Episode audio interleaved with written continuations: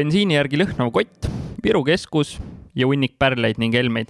mis neil ühist on, saad õige pea teada.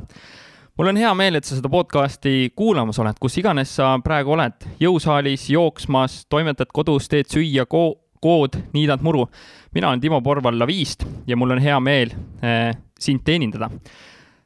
mul on olnud aastate jooksul, olles ettevõtja, väga palju ägedaid lugusid, mida ma olen kõrvalt näinud. sõbrad, tuttavad, kliendid, kes on äh, võtnud julguse kätte ja hakanud äh, müüma, hakanud müüma väljapoole Eestit, et mitte piirduda ainult koduturuga. ja need on alati mind inspireerinud ja siis ma olengi mõelnud, et äh, kui kõikidel teistel oleks võimalus neid lugusid kuulata, näha neist osa saada, neist inspiratsiooni, saada neid teadmisi, mida mulle on jagatud, siis see oleks väga kõva väärtusloome. ja siis ma otsustasingi, et on aeg teha oma podcast, eh, teha podcast ekspordime, mis räägib tublidest Eesti ettevõtjatest, juhtidest, eh, turundajatest ja teha asi päriselt ära, mitte see eh, lähinaabrite mõeldud-mõeldud, vaid mõeldud-tehtud. nüüd on siin mikrofoni ees ja, ja esimene, ei, see on null episood, on siis üksinda. vastas siin on tühi pink, tühi mikrofon, klapid ja tühi klaas. siin hakkavad varsti olema väga ägedad külalised. nii et eh, minu sõbrad ja tuttavad, kes te teate, et te ekspordite, siis olge hoiatatud, ma varsti kirjutan ja joonistan teile. esimeste inimestega on eh, podcast'id kokku lepitud ja me hakkame kohe neid varsti ka salvestama ja sinuni tooma. ja miks ma üldse sellist podcast'i siis teen, ühtepidi kindlasti isiklik ego, eh, minu enda eneseareng, et ekspordi osas meil on endal ja minul väga vähe kogemusi, me oleme ise õpilased ja siis õppida teiste käest ja kuulata, mida ne nemad teinud on. samal ajal tuua ka neid teadmisi sulle, aidata sind äh,, aidata nendel inimestel, kes tulevad neid jagada, jälle jõuda suurema auditooriumi ette. et me ise oleme tõesti näpuotsaga eksporti proovinud ja need kolm märksõna, see bensiini järgi lõhnav kott, Viru keskus ja hunnik pärleid ning helmeid oli tegelikult meie esimene väljapoole müüdud äh, Eh, komplekt siis. Eh, meil oli selline helmepood Henri Palmariga nagu minuhelmed.ee ja täiesti juhuslikult puhtalt eestikeelselt lehelt tuli üks Soome tellimus. panime selle kokku, see oli kümme korda suurem kui tolleaegsed kõik tellimused. aga samal ajal, kui meil oli helmepood, me käisime ka trimmerdamas Hendriga ma ei tea, kas Hendri mulle üldse kunagi oleks lubanud seda lugu rääkida, aga ma ei küsinud talt luba selle jaoks. ja seal autos, Hendri autos olid meil bensiinikanistrid äh, ka ja see helmekott jäi talle ööseks sinna autosse ja kui ta järgmine päev neid ära läks viima, siis ta ütles mulle ka, et see kott ikka lõhnas päris tugevalt bensiini järgi ja jah, ega rohkem see inimene meilt kunagi helmeid ei tellinud, et äh, see oli päris meie esimene väljapoole müüdud, müüdud komplekt, aga mis pani meie mõtted liikuma, aga mitte paraku liikuma nii palju, et me oleks siis selle veebi ära tõlkinud soome keelde ja hakanud toimetama. nii nagu tegi üks äh, sõber mul ja meie panime Helme poe kinni ja samal ajal see sõber on täna euromiljonär, on ju, tegi meie poest koopia, hakkas müüma teisi asju ja tema julgus oli see, et olgu, ma hakkan siis müüma ja turundama Soome, on ju. et mida me veel oleme müünud väljapoole piir, on palkmaju, ühtesid online koolitust, mis oli selline üle tuhande euro tehtud müük pärast seda mul oli, vau, on võimalik müüa väljapoole küll. siis me müüsime veel ühte online koolitust, kakskümmend pluss riigid olid, kuhu see jõudis, selline odavam otsa toode, natuke on meil Lavist jõudnud veebi- ja turundustöid välja ja, ja siis Henri Palmari ja Karl Kanguriga on meil ka üks Amazoni business, kus me siis toome inimesed enda veebilehele, oleme Google'is headel positsioonidel ja suuname inimesed siis sealt edasi Amazoni ja seal me oleme müüki teinud siis, aidanud Amazoni kaupmeestel müüa kaupa üle kolmesaja viiekümne tuhande euro. aga me oleme ikka täielikud õpipoisid alles, et ja sellepärast mul ongi huvitav kuulata erinevaid ettevõtteid, et ma toon siia startup ereid, startup'e, kes on jõudnud juba kaugemale, tootjaid, teenusepakkujaid, äh, Amazoni müüjaid, et äh, keda iganes sina kuulata tahad, anna mulle sellest eh, kindlasti julgelt teada, timo.ekspordime.ee, et mis küsimused sul on, mis teemad sul on, mis ettepanekud sul sellele podcast'ile on, sest eh, nii nagu iga asi saab kuskilt alguse ja, ja püüame siis kogu aeg ikkagi areneda ja asja paremaks teha, aga kuskilt on vaja alustada, on ju. ja, ja ma olen seda jah, mõtet siis tükk aega peas veeretanud, isegi selline paar aastat äkki ja nüüd siis ei olen seda mõtet välja käinud inimestele, et mis nad arvaksid, kas nad eh, kuulaksid ja tagasiside on positiivne. jaa, muidugi, tee ära, et eh, podcast'e ju tegelikult väga palju, et aga sellel teemal ma otseselt ei tea, et keegi räägiks, et võtamegi suuna sellele, kuidas müüa väljapoole piire, on ju ja, ja ma tahan selle podcast'i hoida maksimaalselt praktilise, sest ma väärtustan sinu aega, ma väärtustan kuulaja aega, et, et pärast kuulamist sul oleks päriselt midagi, mida sa saad kasutada, inspiratsiooni, nõuandeid enda müügis,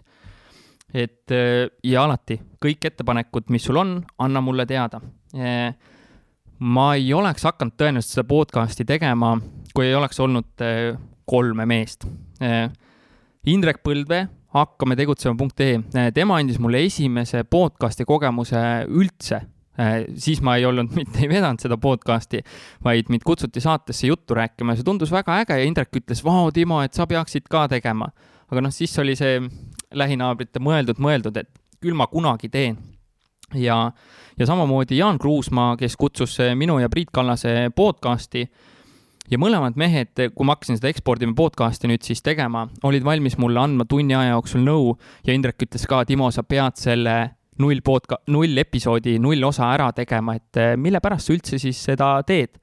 ja minu see miks on, ongi siis see, et eh, ma näen, et Eesti kõik ettevõtted võiksid müüa väljapoole piire ja mida rohkem me oskame koos väljapoole müüa, seda paremini kogu, tegelikult kogu meie riigil läheb, et koondame need eh, teadmised ja lood siis ühte kohta kokku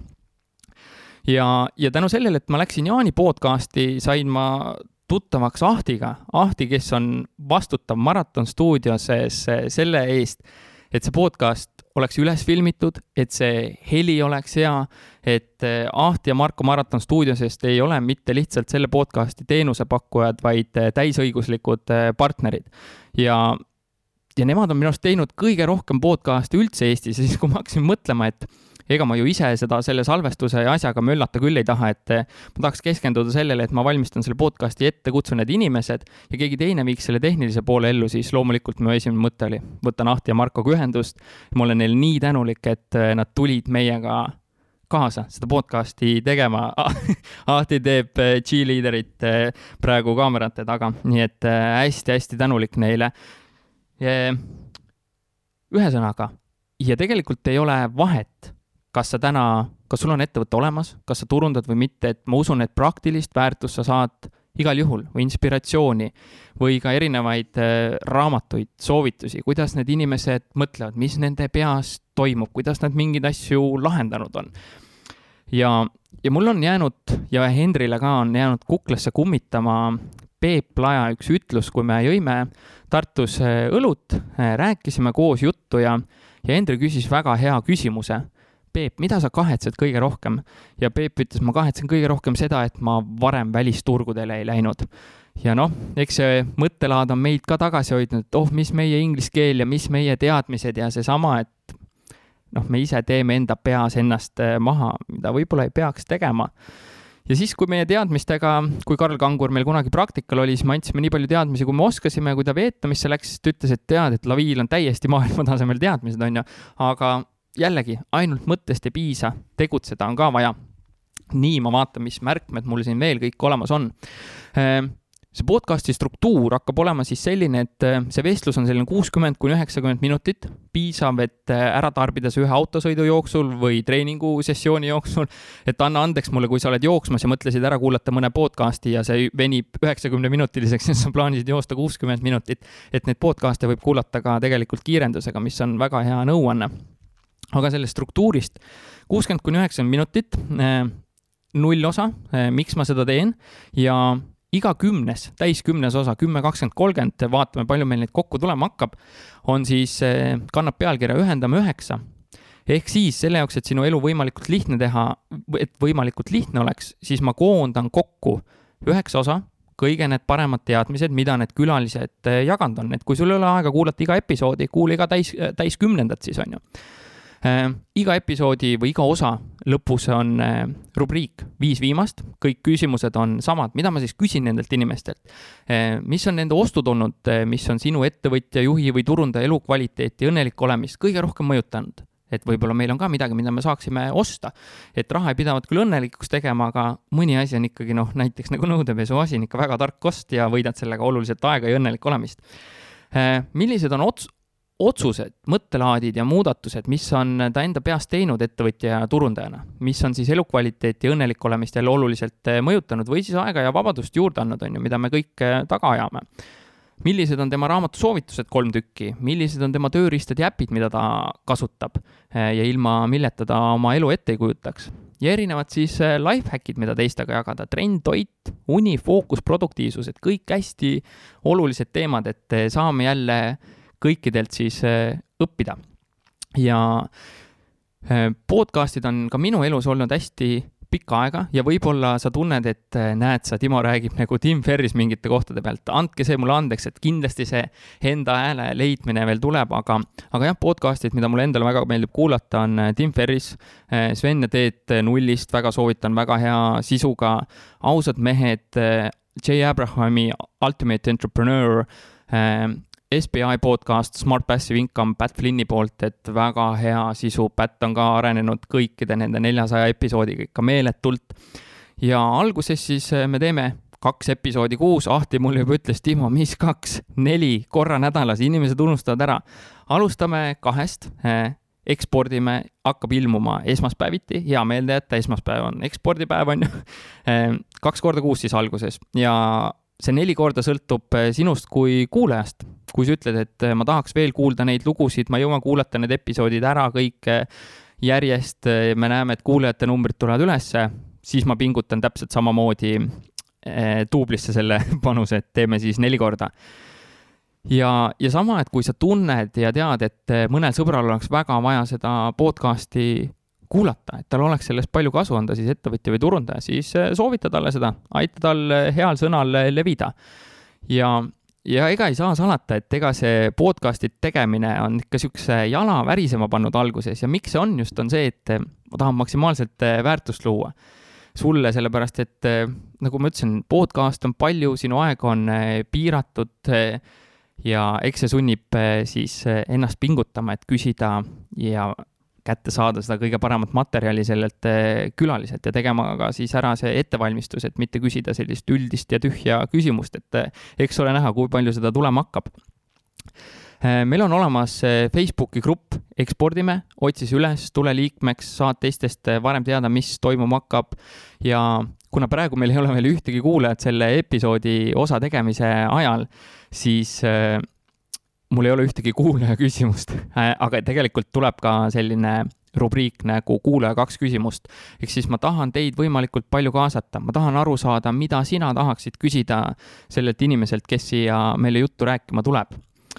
aga, aga ma arvan, et see ongi selline põhiline, et miks ma seda teen, ongi siis see, et tuua sinuni need parimad teadmised, sind inspireerida ja teha asju õigesti. sest ma olen kuulnud ka palju ebaõnnestunud lugusid ja ma arvan, et selle viim-, äh, selle osa võtamegi kokku ühe looga, mille ma kuulsin siis, kui me olime Pärnus jooksulaagris, olime oma trennid ära teinud ja läksime õhtul suve, suveõhtu, mõnus soe, võtsime mõned Aperol spritsid Pärnus. Ja meie seltskonnas oli üks mees, keda mina varem näinud ei olnud ja siis ta rääkis loo sellest, kuidas ta sõbrad hakkasid Soome eksporti tegema. Ja nende tooteks oli siis kurepesade müük noh, ma ei olnud sellist eh, toodet enne kuulnudki, mis asi on kurepesade müük. tegu oli siis eh, plastikust eh, vankriratastega, mida saab siis posti otsa panna, kunagi pandi sinna tavalisi neid vankrirattaid puidust, on ju. aga mehed mõtlesid, et lähme ikkagi Soome, Soomes on ju raha rohkem inimestel ja eestlane loeb võib-olla seda nagu kopikat ja eurot vähe hoolsamini. ja läksid siis Soome, panid poe püsti, hakkasid müüki tegema, aga mida ei tulnud, oli müük. keegi ei ostnud ja mehed kratsisid nagu tükk aega pead, et mis toimub, miks keegi ei taha osta.